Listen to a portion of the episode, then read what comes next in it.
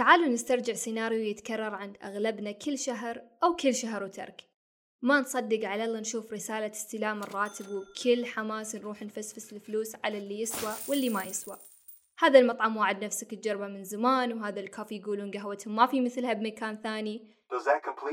يستوردونها من جزر الواقواق. ولا السلة انت معبيها أونلاين في نمشي ونون وأمازون وجرير وجوك تطلبهم. و package رايح و package جاي. و package تنتظره و package تكنسل وواحد تهاوش عليه ليش تأخر؟ والفواتير؟ بيه آخر شي تشيل همه. لأن الراتب توه نازل. وفي النهاية تخلي ختامها مسك وتشتري بلاي ستيشن 5 وبعدها تكون طالع تفرفر شوي بالسيارة وتقول خله مرة أخذ لي شاورما. وتكتشف إن حسابك مصفر حتى الشاورما ما يكفي. لما مصاريفك من أكل وشرب وكماليات تتعدى مقدار راتبك هنا اللي بيصير يا طويل العمر إن عندك عجز. والحل هذه المعضلة الشهرية يا تتسلف يا تشترك بجمعية يا تشتغل بوظيفتين. والدول يا عزيزي مثلنا بالضبط كذا. الفرق إن إحنا نقول طفرت ولا فلست والدولة تقول حصل عجز موازنة أو عجز اقتصادي. هذا البودكاست من إنتاج محتويس.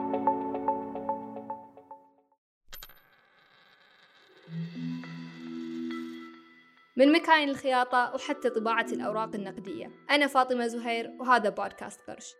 البودكاست اللي يستعرض التجارب والقصص أحيانا الهفوات وأحيانا الفقعات ونفسرها بعين اقتصادية لأن الاقتصاد أكثر من مجرد ريالات نجمعها بجيوبنا. قبل لا أدخل في صلب الموضوع سألت نفسك اليوم كيف هي صحتك؟ تأخذنا الدنيا بأشغالها ونلها وننسى أن أساس الحياة هو صحتنا. نعيش أيام متقلبة تتأجل بعض الأمور أو تتأخر. نقلق وننتظر. نعمل ونجتهد ونفرح نرتاح ونرجع لنفس النقطة من جديد وهذه الأشياء كلها تأخذ من صحتنا. ولأن الصحة أغلى من أي شيء نملكه. بودكاست عش بصحة هو دليلك لحياة صحية أفضل. تلقون رابط البودكاست في وصف الحلقة. نرجع لموضوعنا. أو بالأحرى نبدأه. عجز الموازنة يعتبر مؤشر مالي. تعرف من خلاله الحكومات أن نفقاتها تجاوزت إيراداتها. وبالعادة يستخدمون المحللين والخبراء عشان يحددون مدى صحة الاقتصاد في الدول. هو صدق اسمه عجز ولكن هل هو دائما سيء؟ هالسؤال بنجاوبه بعد شوي. بس خلنا نعرف بعض من مسببات هذا العجز أول أحد الأسباب هو لما الدولة تكون تستورد أكثر من كونها تصدر. وغالبا لما يكون هذا هو السبب الرئيسي فإحنا نطلق عليه مسمى عجز تجاري. وبعدها يجي السبب الثاني وهو التهرب الضريبي. صحيح إن التهرب الضريبي غير قانوني ولكن الحكومات ما راح تقدر تلحق تصيد كل الشركات اللي ما تدفع ضرائبها. ولا ننسى طبعا الخدمات الاجتماعية اللي تقدمها الحكومات واللي تكون مجانية أو برسوم قليلة مثل الضمان الاجتماعي التعليم المجاني والخدمات الصحية. وأخيرا النفقات اللي تخص مشاريع الدولة مثل تمديدات الكهرباء الاتصالات المباني مثل المستشفيات والمطارات والطرق. لحظة لحظة مو أخيرا.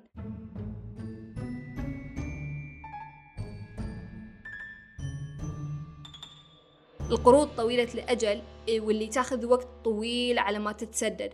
ممكن أيضا تؤدي إلى عجز اقتصادي. طيب هل الحين بنعرف إذا العجز سيء أو لا؟ لسه خلوا عندكم صبر شوي. خلونا نعرف أول شيء شلون بيأثر عجز الموازنة علينا إحنا كمواطنين وعلى الاقتصاد بشكل عام. أول شيء العجز هذا ممكن يضاعف عملة الدولة لأن الدولة لما تستورد أكثر من ما تصدر فهي جالسة تدفع بعملة أخرى مو بعملتها المحلية وهالعملة غالبا تكون الدولار.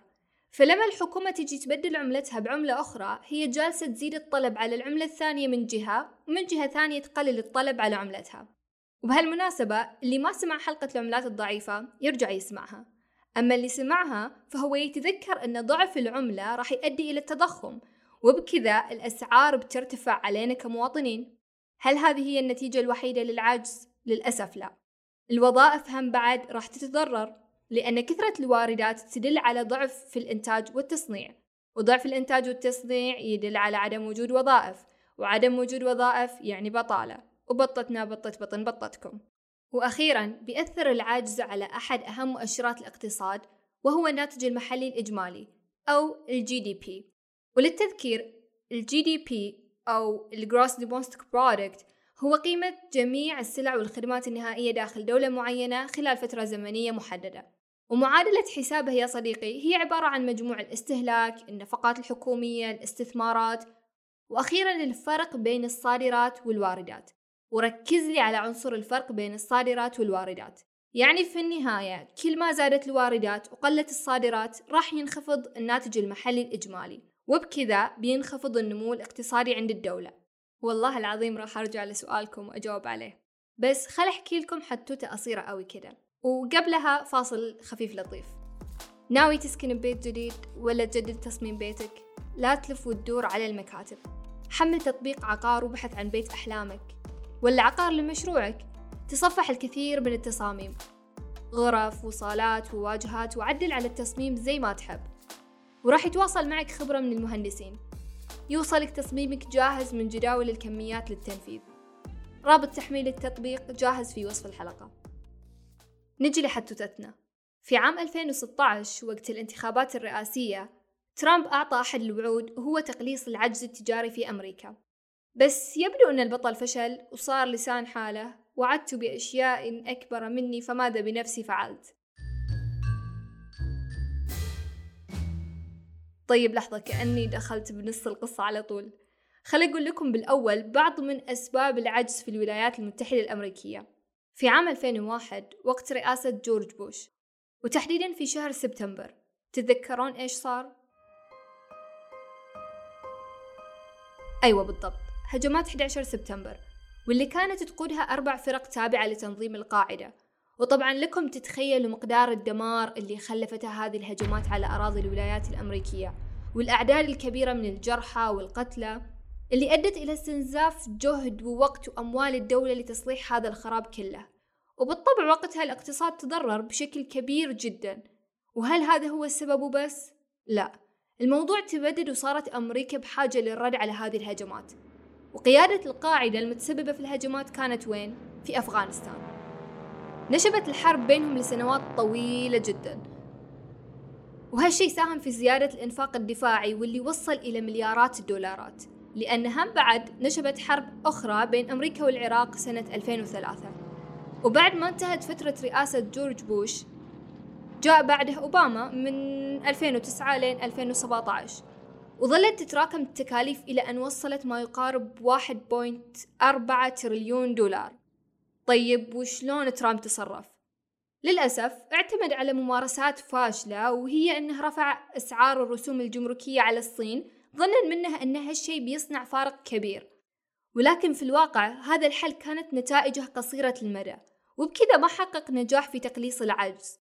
وأيضا قالت ماري لوفلي وهي أحد الزملاء في معهد بيترسون للاقتصاد الدولي إن العجز التجاري الأمريكي الكبير مدفوع بشكل أساسي بعوامل اقتصادية أكبر مثل حقيقة أن الأمريكيين ينفقون أكثر مما يدخرون ويتعين عليهم الاقتراض من الخارج عشان يمولون الفرق. وتجي كورونا وتكملها عليهم. وكأنها القشة التي قصمت ظهر البعير. بصير في إنفاق أكبر على الجانب الصحي ويرجع يرتفع مقدار العجز إلى ما يقارب ثلاثة وشوي تريليون دولار. وش التغيير اللي بيصنعه بايدن؟ ما حد يدري. مين يعرف؟ يمكن نجي نقص لكم عنه في أحد حلقاتنا مستقبلا. عاد الحين صدق جاء وقت أجاوب السؤال. هل عجز الميزانية دائما سيء؟ لا. قد يكون مؤشر على التقدم.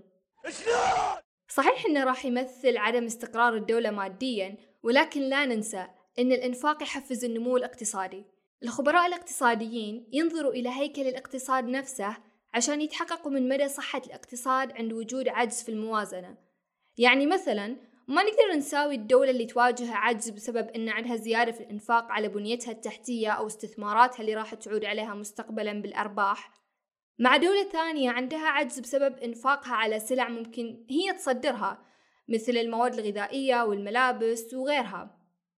طيب إحنا أنا وأنت يا صديقي إذا فلسنا قلنا ممكن نشترك بجمعية كأحد الحلول أما الدول فتعاملها مع العجز مختلف شوي.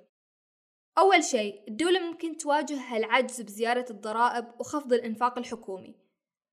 وغيره من أهم الحلول هو استغلال الاستثمار الأجنبي بشكل صح. الحكومة لما يجيها مستثمرين أجانب وناويين يفتحون لهم مشاريع جديدة من الأفضل أنها تحثهم على التوجه إلى المشاريع الإنتاجية والصناعية بحيث تخليه استثمار إنتاجي في حل برضو بس ما أتوقع أنه من صالح الدولة هو أنها تقوم بطباعة فلوس ولكن في هالحالة إيش بيصير؟ عاد هالمرة المفروض أنتوا اللي تكونون عارفين الجواب العملة راح تضعف وإذا تبون تعرفون بالضبط ليش تضعف ارجعوا اسمعوا حلقة الفلوس الضعيفة. وعشان تسمعونها وانتوا رايقين ومعدلين مزاجكم لا تنسون تطلبون لكم قهوة من دارك كافيه. ترى البن حقهم من أجود الأنواع. ورابط الطلب جاهز لكم في صندوق الوصف. ادخلوا واطلبوا قهوة على مزاجكم. بالعادة يا أصدقاء نتورط في إكمال قصصنا اللي نحكيها لكم ولكن يبدو هالمرة أننا تورطنا في الخاتمة. واللي صار أن قررنا نختمها لكم مثل ما كنا نختم الإذاعات المدرسية. ختاما وليس ختاما للنجاح. كان ذلك نموذجا مبسطا لما أودعناه لكم من الحب والاحترام والترحيب والإكرام. ونأمل أن تكون حلقة بودكاستنا حازت على رضاكم.